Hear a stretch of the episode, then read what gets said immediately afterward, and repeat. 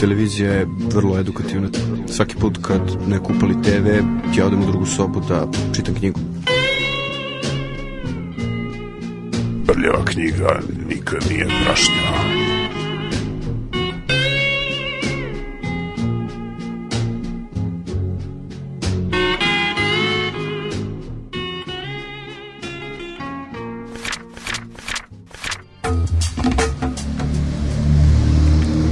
Današnja knjiga i pisac koji će predstaviti Milan Ćirković jeste knjiga Javrhovni pisca Augusta Roa Bastosa. Jeste, Augusto Roa Bastos, mnogo interesantan pisac, najveći ostale, ostajemo kao i prošle nedelje u Latinskoj Americi, ali ovaj put se malo preselimo malkice iz Argentine na sever, a to je u Paragvaj.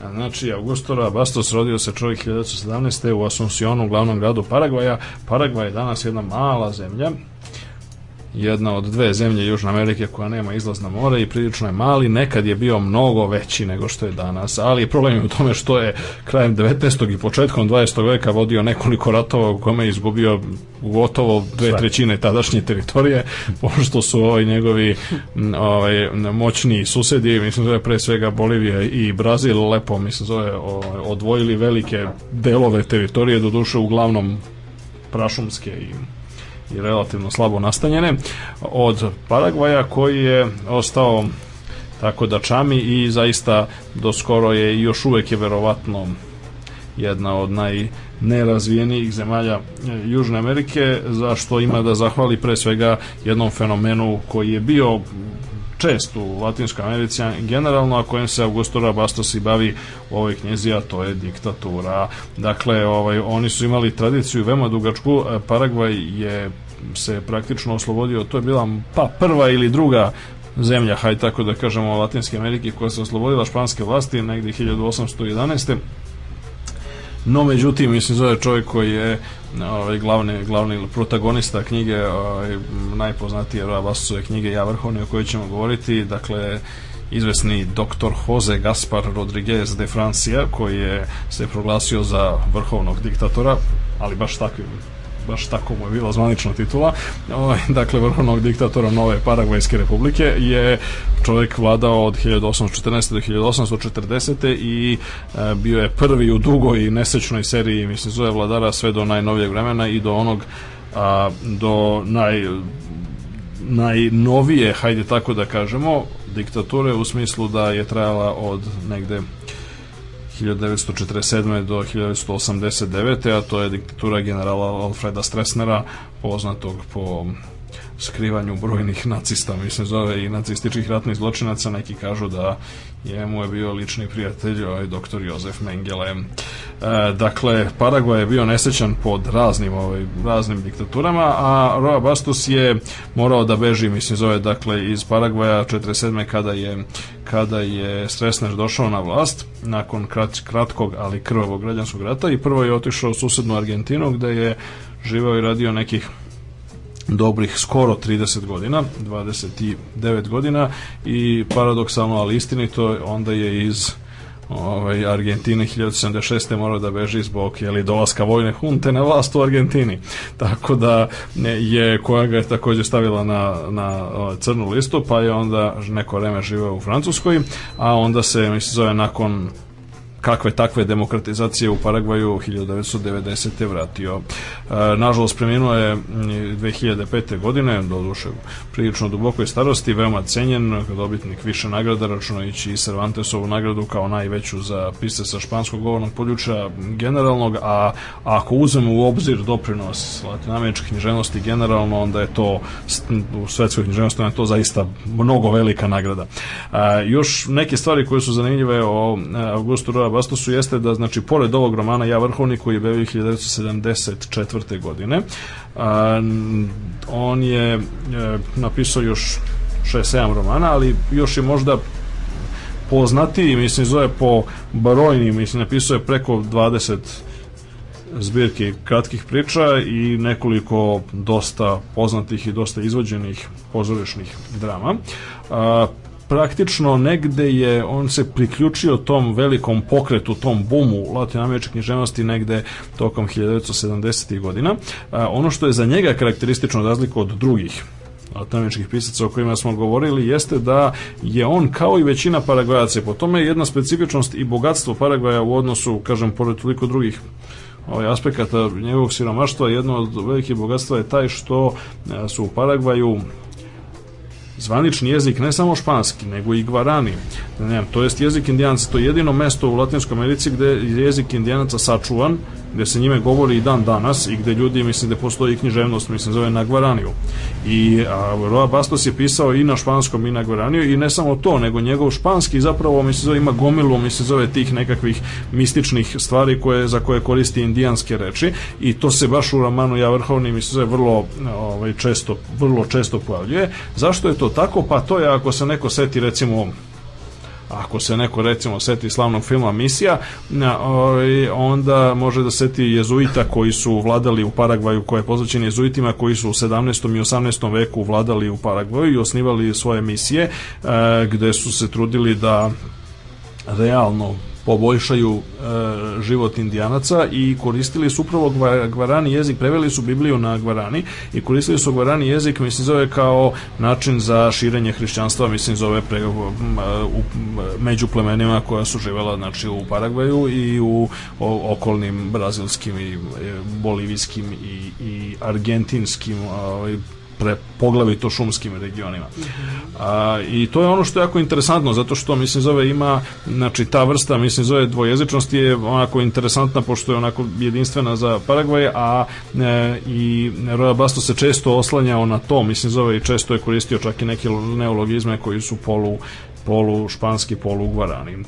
Sad sama knjiga, oko, e, ja vrhovni je pravi primer, mislim, one vrste neobaroka kako se to zvalo ili magičnog realizma kako su opet neki drugi zvali ovaj taj veliki bum latinoameričke književnosti koja je e, ona je na neki način ima mnogo formata mislim zove i poenta jeste da zapravo može se tumačiti mislim zove i kao istorijski roman i kao kao dokument i kao poetska proza i kao jedna vrsta revolucionarnog pamfleta mislim zove kao ako politički esej i slično. Naime, to je ona je posvećena zaista, znači vrhovni iz naslova, mislim, Jo, El Supremo. El Supremo je e, osnivač, otac paragvajske nacije, pomenuti doktor Francija, potpuno bizaran lik i u stvarnom životu, a napravljen još bizarniji, mi se zove u, u prozi. Naime, doktor Francija je, na primjer, čovjek koji je se smatrao učenikom francuskog prosvetiteljstva, francuskih filozofa Montesquieu, Montaigne i slično.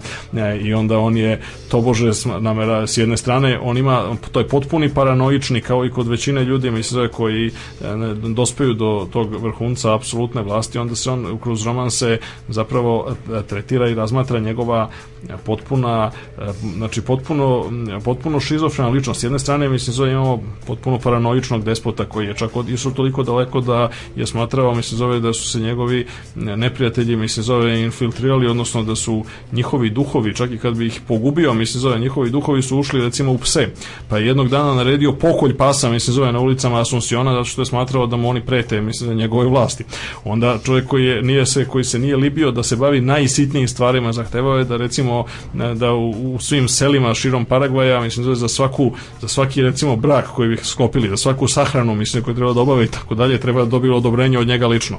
Ne, tako da čovjek se nije uopšte, mislim da čovjek zaista se on, se bavio apsolutno svim i potpuno se poisto, potpuno se poistovetio, mislim da sa a sa druge strane ono što je ono što jeste bizarno jeste da znači ovaj znači ja vrhovni je roman koji pripada toj tradiciji koja je nastala u latinoameričkoj književnosti, to su romani o diktaturi, kojih ima još dosta. Recimo Jesen patrijarha Gabriela Garcia Marquesa, možda najpoznatiji u tom, ali ima ih gospodin predsednik Miguela Angela Asturiasa i drugi.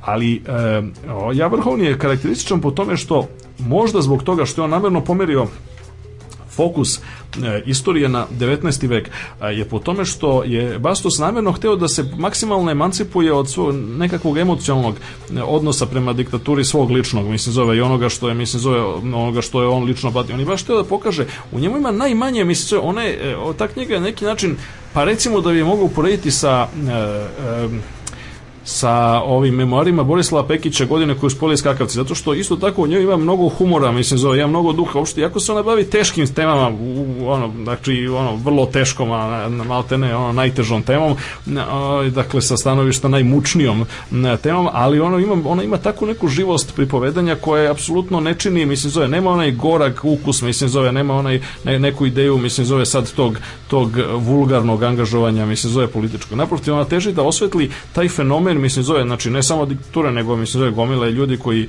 prihvataju diktaturu, koji su oduševljeni, mislim, zove njome i koji zaista iskreno, mislim, zove, veruju u oca nacije, mislim, zove, znači, Znači, doktor Francion je bio u najbukvalnijem smislu reči, on otac nacije, on sam na jednom mestu kaže, mislim, zove, ja, kaže, mene ne zanima istorija, kaže, ja pravim istoriju. Ne, nemam, nemam ja šta, kaže tu, kaže da, da proučavam, kaže ja ću, kaže to da napravim, kaže onako kako mi se dopadne. Čitav niz bizarnih stvari koje su na neki način na početku je naracija potpuno onako dokumentarna i sastoji se uglavnom iz dijaloga između uh, vrhovnog vođe i njegovog sekretara Patinja koji je na neki način ovako izvršilac svih njegovih akcija, ali postepeno se taj relativno logično, oni na početku nalaze neobičan dokument, koji nažalost u ovom srpskom izdanju, koji je inače odlično, mislim to je opet izdanje ove edicije Kispanički roman koji je uredio, izabrao i preveo i uredio i napravio Milan Komnenić ex funkcioner SPO, opet kažem, znači setimo se onoga ovaj, paradoksalno transformacije i slično. Dakle, ovaj, ovo je odličan prevod prevela je ovaj Jasna Bunjevac Sotelo koja je mnogo bolja nego jeli, Silvija Monroe Stojaković što se tiče prevoda sa, sa španskog. A, dakle, ovo je, ovo je izašlo ne znam, evo sad ćemo odmah i da, i da vidimo tačno kada, znači cela 1984. tiraž 8700 primjeraka, tu su bili još neki ozbiljni ljudi, mislim zove neka urednici cele ove edicije koja je bila zajednički poduhvat, mislim 5-6 ono izdavačkih kuća a, i iz Beograda i iz Sarajeva i još nekih, a, tako da je ovo sjajna knjiga, a, generalno ono što nisu mogli u potpunosti da reprezentuju španski original, jeste da u španskom originalu ima jedan mnogo dobar deo, znači na početku početku taj tekst je, je odštampan u rukopisu, mislim, zove, znači posebnim fontom koji imice rukopis, koji je vrlo bitan, pošto je to tekst zagonetne ono, antidržavne antidržavne paškvile, kako on lepo kaže, mislim, jedno mesto koji je pronađen i koji se iznenada počinje da se pojavljuje širom Republike a koji sadrži potpuno bizaran tekst i sad e, e, glavnina zapleta se teži u poku, uzaludnim pokušajima, mislim, zove velikog vođa da uprko sve svoje moći koji se sad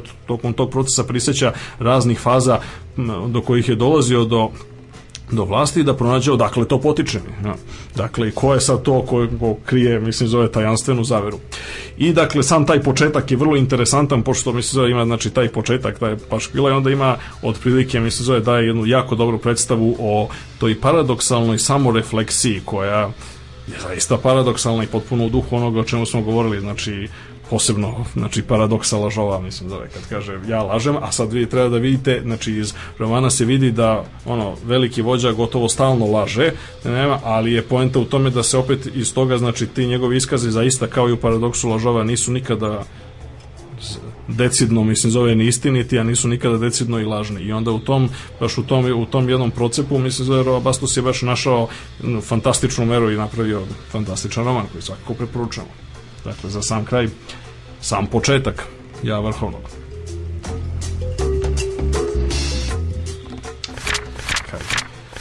Ja, vrhovni diktator Republike, naređujem da mi se, kada bude nastupila moja smrt, glava odrubi, nabije na koplje i tri dana drži izloženo na trgu Republike, gde će se uz radosno razleganje zvona sjatiti sav narod. Svi moji civilni i vojni službenicima da budu smaknuti vešanjem. Tela da im budu pokopana po ledinama van zidina bez krsta i bez pomena a pošto istekne rečeni rok, naređujem da se moji posmrtni ostaci spale, a pepeo baci u reku. Gde je ovo nađeno? Bilo je pribodeno na dverima katedrala, ekscelencijo.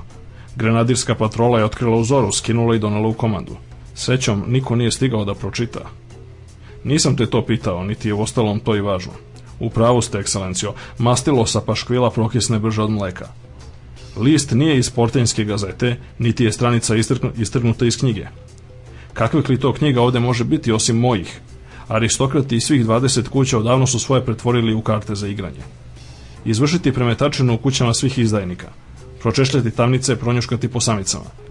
Krivac bi mogao da se nađe među onim dugonoktim očarupanim pacovima. Deder, pritegni malo te verolomnike. A naročito promuštraj pednju i molasa. Donesi pisma u kojima mi molas iskazuje počast u vreme prvog konzulata, zatim u vreme prve diktature. Hoću ponovo da pročitam govor koji je održao u Skupštini 1814. godine u kome traži da me izaberu za diktatora. Rukopismo je veoma različit u nacrtu govora, u uputstvima za poslanike, u prijavi kojom će mnogo godina kasnije optužiti jednog od braće za krađu stoke, mogu da ponovim sve što piše u tim pisanijama, vaša ekscelencijo. Nisam od tebe tražio da mi deklamuješ dosijeja, presude i zapovesti iz arhive. Jednostavno sam tražio da doneseš predmet Marijana Antonija Molasa. Donesi i pamflete Manuela Depenje. Podle prznice. Hvališu se da su bili reč nezavisnosti, a nikada nisu shvatali. I u tamnicama misle da su gospodari svojih reči. A jedino znaju da cmizdrije nikako da umuknu. Stalno iznalaze nove načine da izliju svoj jed. Rasturaju pamflete, paškvile, letke, karikature. Nema spletke u koji ga ne, ne zabibere. Što se mene tiče, svoju hartiju mogu praviti od osveštanih krpica. Ispisivati je štampati osveštanim slojima na osveštanoj štamparskoj mašini. Štampajte svoje paškvile i na Sinajskoj gori ako vam je baš stalo.